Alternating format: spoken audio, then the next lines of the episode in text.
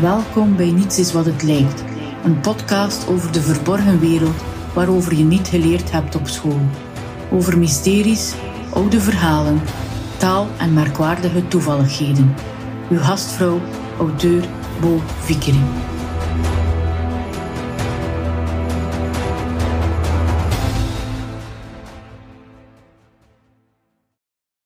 Vroeger, nu heb ik het over de middeleeuwen, moest alles in overeenstemming zijn met het universum, met de kosmos, met de wereld die de mensen omringde.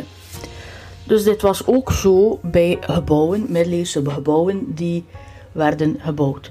Ze moesten de verhouding, de huldensnede in zich hebben. Ze moesten de cijferreeks van Fibonacci, tenminste vanaf de 13e eeuw, vanaf dat die bestond, ze moesten de cijferreeks van Fibonacci in zich verbergen, omdat die cijferreeks overeenstemmingen vertoont met de natuur.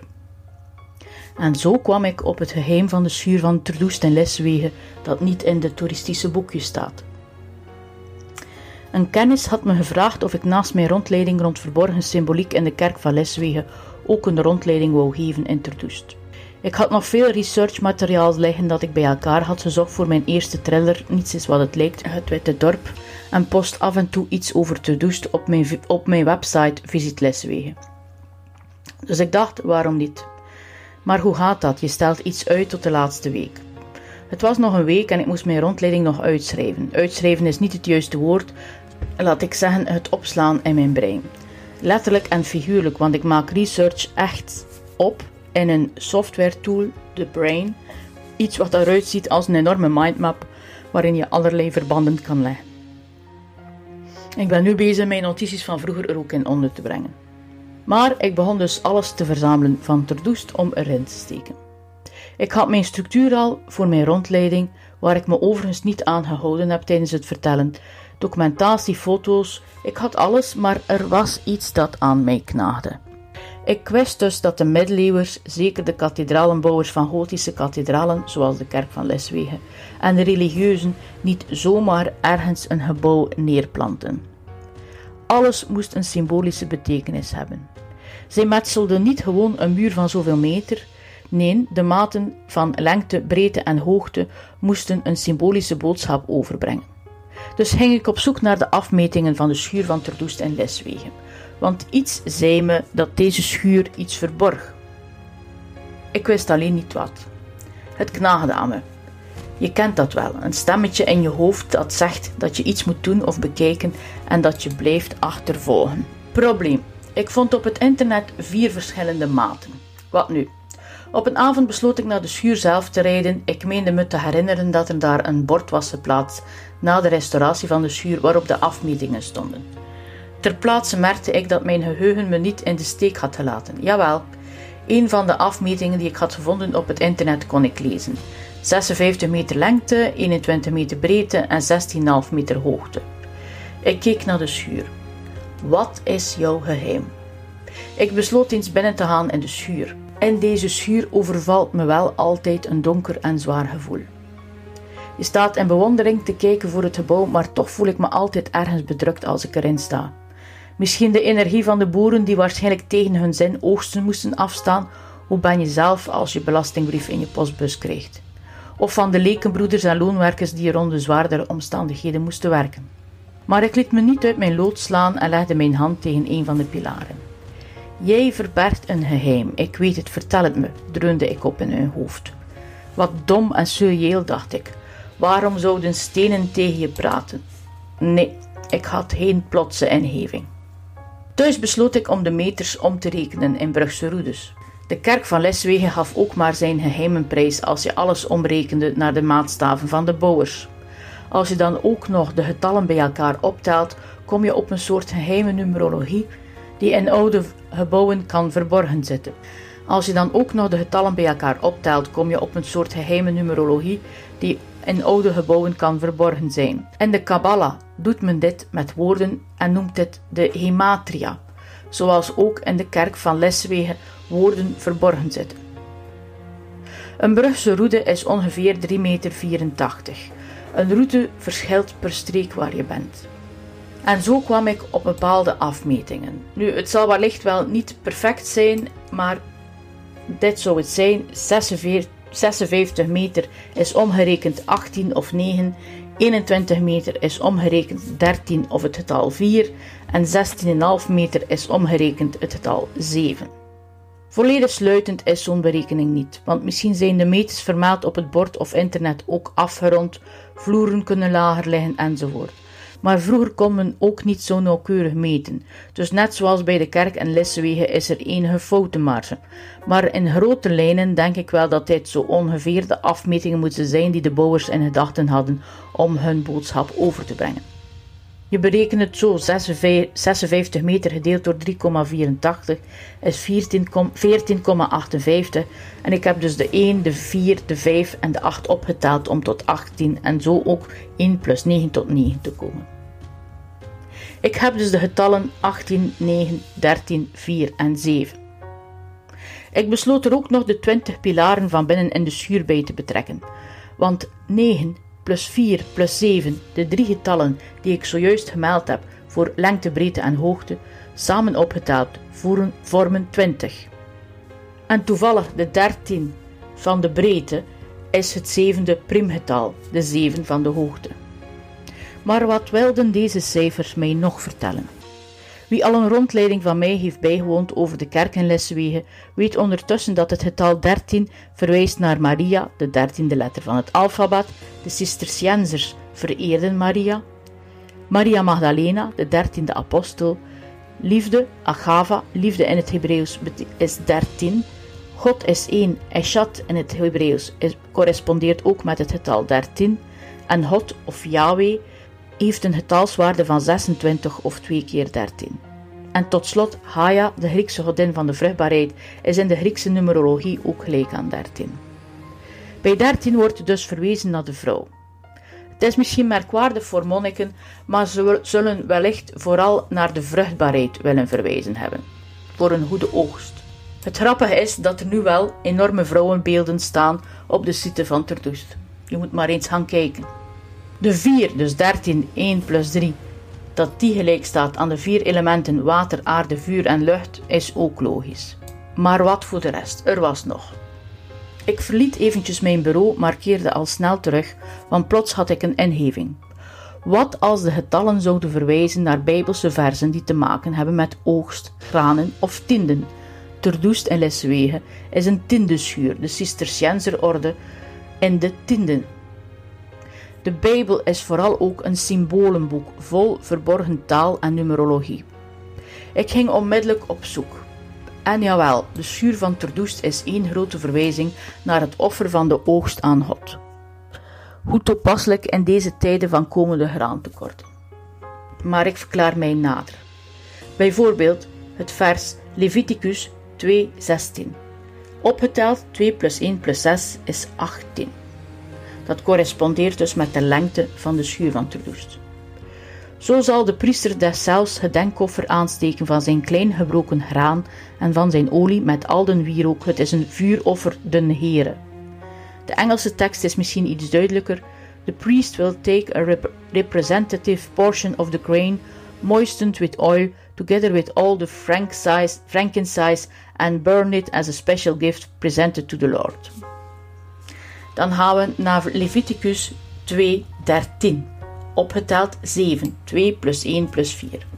Indien hij de Heere een spijsoffer der eerste vruchten zult brengen, dan zult hij in het vuur geroosterde aren, fijn gevreven graankorrels, als spijsoffer uw eerste vruchten brengen.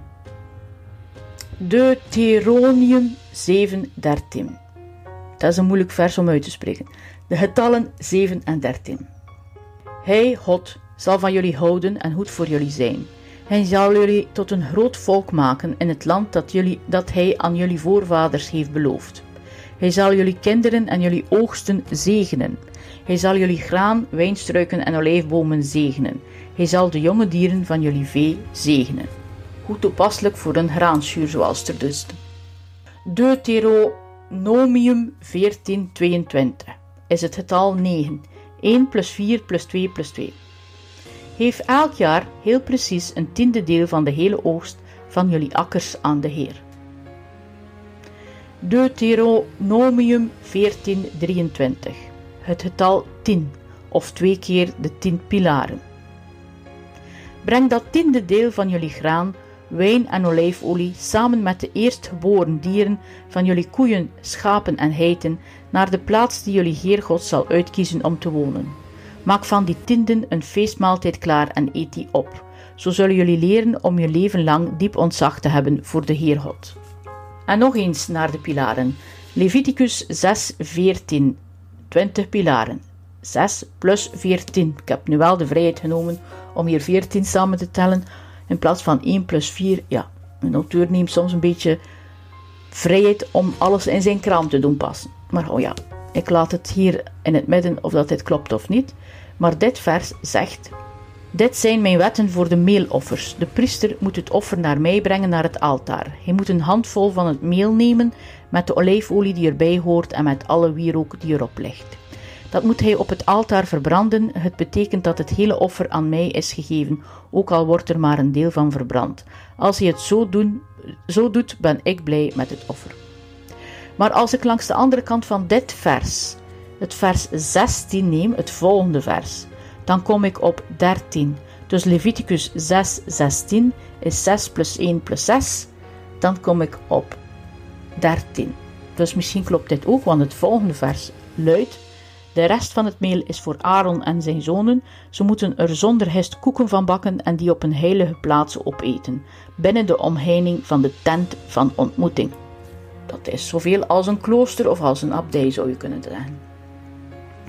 Is dit nu de geheime code die de schuur van Terdoest verbergt? Ik vraag het me af. Of is er nog?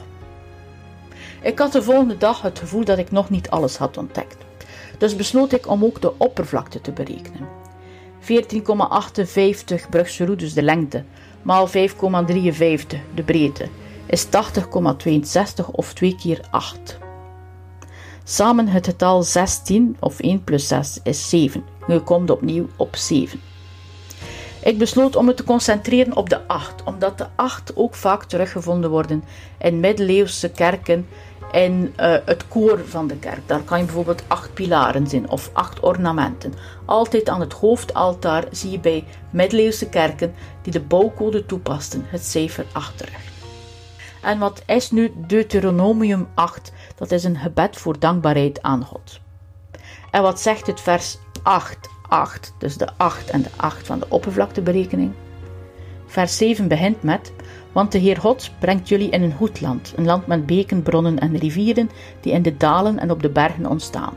En vers 8 gaat verder: Een land met tarwe en herst, wijnstruiken, vijgenbomen en granaatappelbomen een land met honing en olijfbomen vol olie. Het viel me plots ook op dat in de Kabbalah de getallen 13 en 18, opnieuw de cijfers van lengte en breedte, sluitletters zijn in het Hebreeuws. Dit zijn letters die anders geschreven worden in het begin, het midden of het einde van een woord. Het Hebreeuwse alfabet heeft vijf sluitletters. Dus de lengte en breedte van de schuur sluiten de schuur af. 13 is gelijk aan de getalswaarde 40 in de gematria van de Kabbalah. En in de Bijbel is het getal 40 speciaal. Bijvoorbeeld de zondvloed duurde 40 dagen en 40 nachten. Ook kerkelijke feesten worden vaak gevierd met 40 dagen ertussen. 40 verwijst naar de door God bepaalde tijd. 18 heeft de getalwaarde 90 in de gematria. En 90 is een kwart van een omwenteling 360 graden of staat gelijk aan één seizoen, het oogstseizoen. Ik wist dat de schuur mij nog niet alles had onthuld. Zoals altijd moest ik tijd laten passeren. Als de tijd rijp is, ik noem dit goddelijke timing, zou ik wel ergens een aanwijzing krijgen wat ik verder moest onderzoeken. De aanwijzing kwam echter sneller dan verwacht. Tijdens de rondleiding zei een dame of ik, getallen, of ik de getallen van de Kabbalah bekeken had. Ik had niet genoeg tijd gehad om dit te doen, dus voor mij het zijn om dit nu te bekijken. En jawel, ook daar kon je een verband zien met God. 13 zijn de eigenschappen van Hashem. En Hashem is een aanroeping van God, een manier om naar God te verwijzen. En 18 is de gematria van Chai, het Hebreeuwse woord voor leven. Veelvouden van dit aantal worden als geluk beschouwd en worden vaak gebruikt bij het geven van geschenken. Een oogst is dus een geschenk van God. En wat met de getallenreeks van Fibonacci? De kerk van Lessewegen werd gebouwd rekening houden met de cijferreeks van Fibonacci. Dit zijn de getallen 1, 1, 2, 3, 5, 8, 13, 21, 34 enzovoort. Deze getallen werden door Leonardo van Pizza uh, meegebracht uit het oosten. En jawel, je kan deze getallen ook terugzien in de schuur van Terdoest. Als je de zijkant bekijkt, heb je één grote poort, twee steunberen naast deze poort, drie rode kleinere deurtjes aan de zijkant, vijf ramen, acht grotere steunberen tegen de zijmuren, uitgezonderd de twee die al vermeld zijn van de grote poort, en de breedte verwijst dus naar 13 Brugse roedes. Bekijk je oude gebouwen, zie altijd of je in de oude maten niet de reeks van Fibonacci kan ontdekken. Op mijn website zie je een foto van de schuur van Terdoest waarop je dit kan zien. Wat dan met het volume van de schuur van Terdoest? Ik had het volume al berekend, maar daar ben ik eerlijk gezegd nog niet volledig uit. De berekening is dus lengte maal breedte maal hoogte en dan kom je op 346,6972 Brugse roedes. Dus het getal 340 en 6, ofwel tel ik het op, 3 plus 4 plus 6 heb je opnieuw 13. De eerste twee cijfers na de komma, 6 plus 9 is 15. Als ik alles optel, de 13 plus de 15, kom ik op 28. 72 laat ik links liggen, want dat getal verwijst naar alle namen van God in, het Hebreeuwse, in de Hebreeuwse Bijbel. 300 verwijst in de Gematria naar de Hebreeuwse letter Shin, een verwijzing naar Shaddai of God. De 40 heb ik hierboven al gezegd. En 6 verwijst misschien naar de zes dagen van de schepping, want de zevende dag is een rustdag. De 9 van het getal na de komma verwijst naar de Gematria. Dus de Gematria zelf wil zeggen dat je letters moet omzetten in de getallen in de Kabbalah. En 15, 6 plus 9 is de priesterlijke zegen, de 15 heften van Hashem. Dit is een ander woord voor Yahweh. Er waren 15 generaties tussen Abraham en koning Salomon, 15 profeten en 15 rechters die over Israël heersten. En hoe toevallig. 28 is het getal van de, het volume van de zuur van Terdoest en dit jaar vindt de 28e beeldenroute plaats in Leswegen. Wat dus gelijk staat met de volume van de schuur van Terdoest. Een reden te meer om eens te komen kijken. 28 is ook het driehoeksgetal van 7, of alle getallen opgeteld tot 7 kom je tot 28. Dus 1 plus 2 plus 3 plus 4 plus 5 plus 6 plus 7 is 28. Dat het eerste vers van de Bijbel, Genesis 1:1, begint met 7 woorden en 28 letters geeft, in den beginnen schiep God de hemel, zal ik maar als een boodschap beschouwen dat alles te maken heeft met het onbekende kracht in ons universum, die wij God noemen en die andere religies of geloofsovertuigingen een andere naam geven. Ik vraag me af of de komende graantekorten, die mogelijk leiden tot een hongersnood, geen teken zijn dat we misschien, heel misschien, hulp moeten vragen aan wie of wat je ook in gelooft. En dat we nieuwe graanschuren misschien ook meer moeten afstemmen op het universum. Ik weet het allemaal niet. Ik ben maar een gewone schrijver die dankbaar is dat de muze, wie of wat dit ook mag zijn, mij heeft toegelaten om deze merkwaardige toevalligheden van de schuur van Terdoest te laten ontdekken en op papier te zetten of in een podcast te bespreken. Ergens ben ik ervan overtuigd dat de schuur nog meer verbergt. Wie weet, misschien spreek ik ooit wel een update in. De muze zal wekken en beschikken.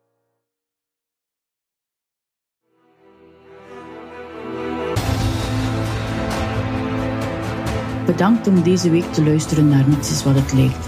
Ben je op zoek naar meer? Bezoek dan mijn website bovicry.eu.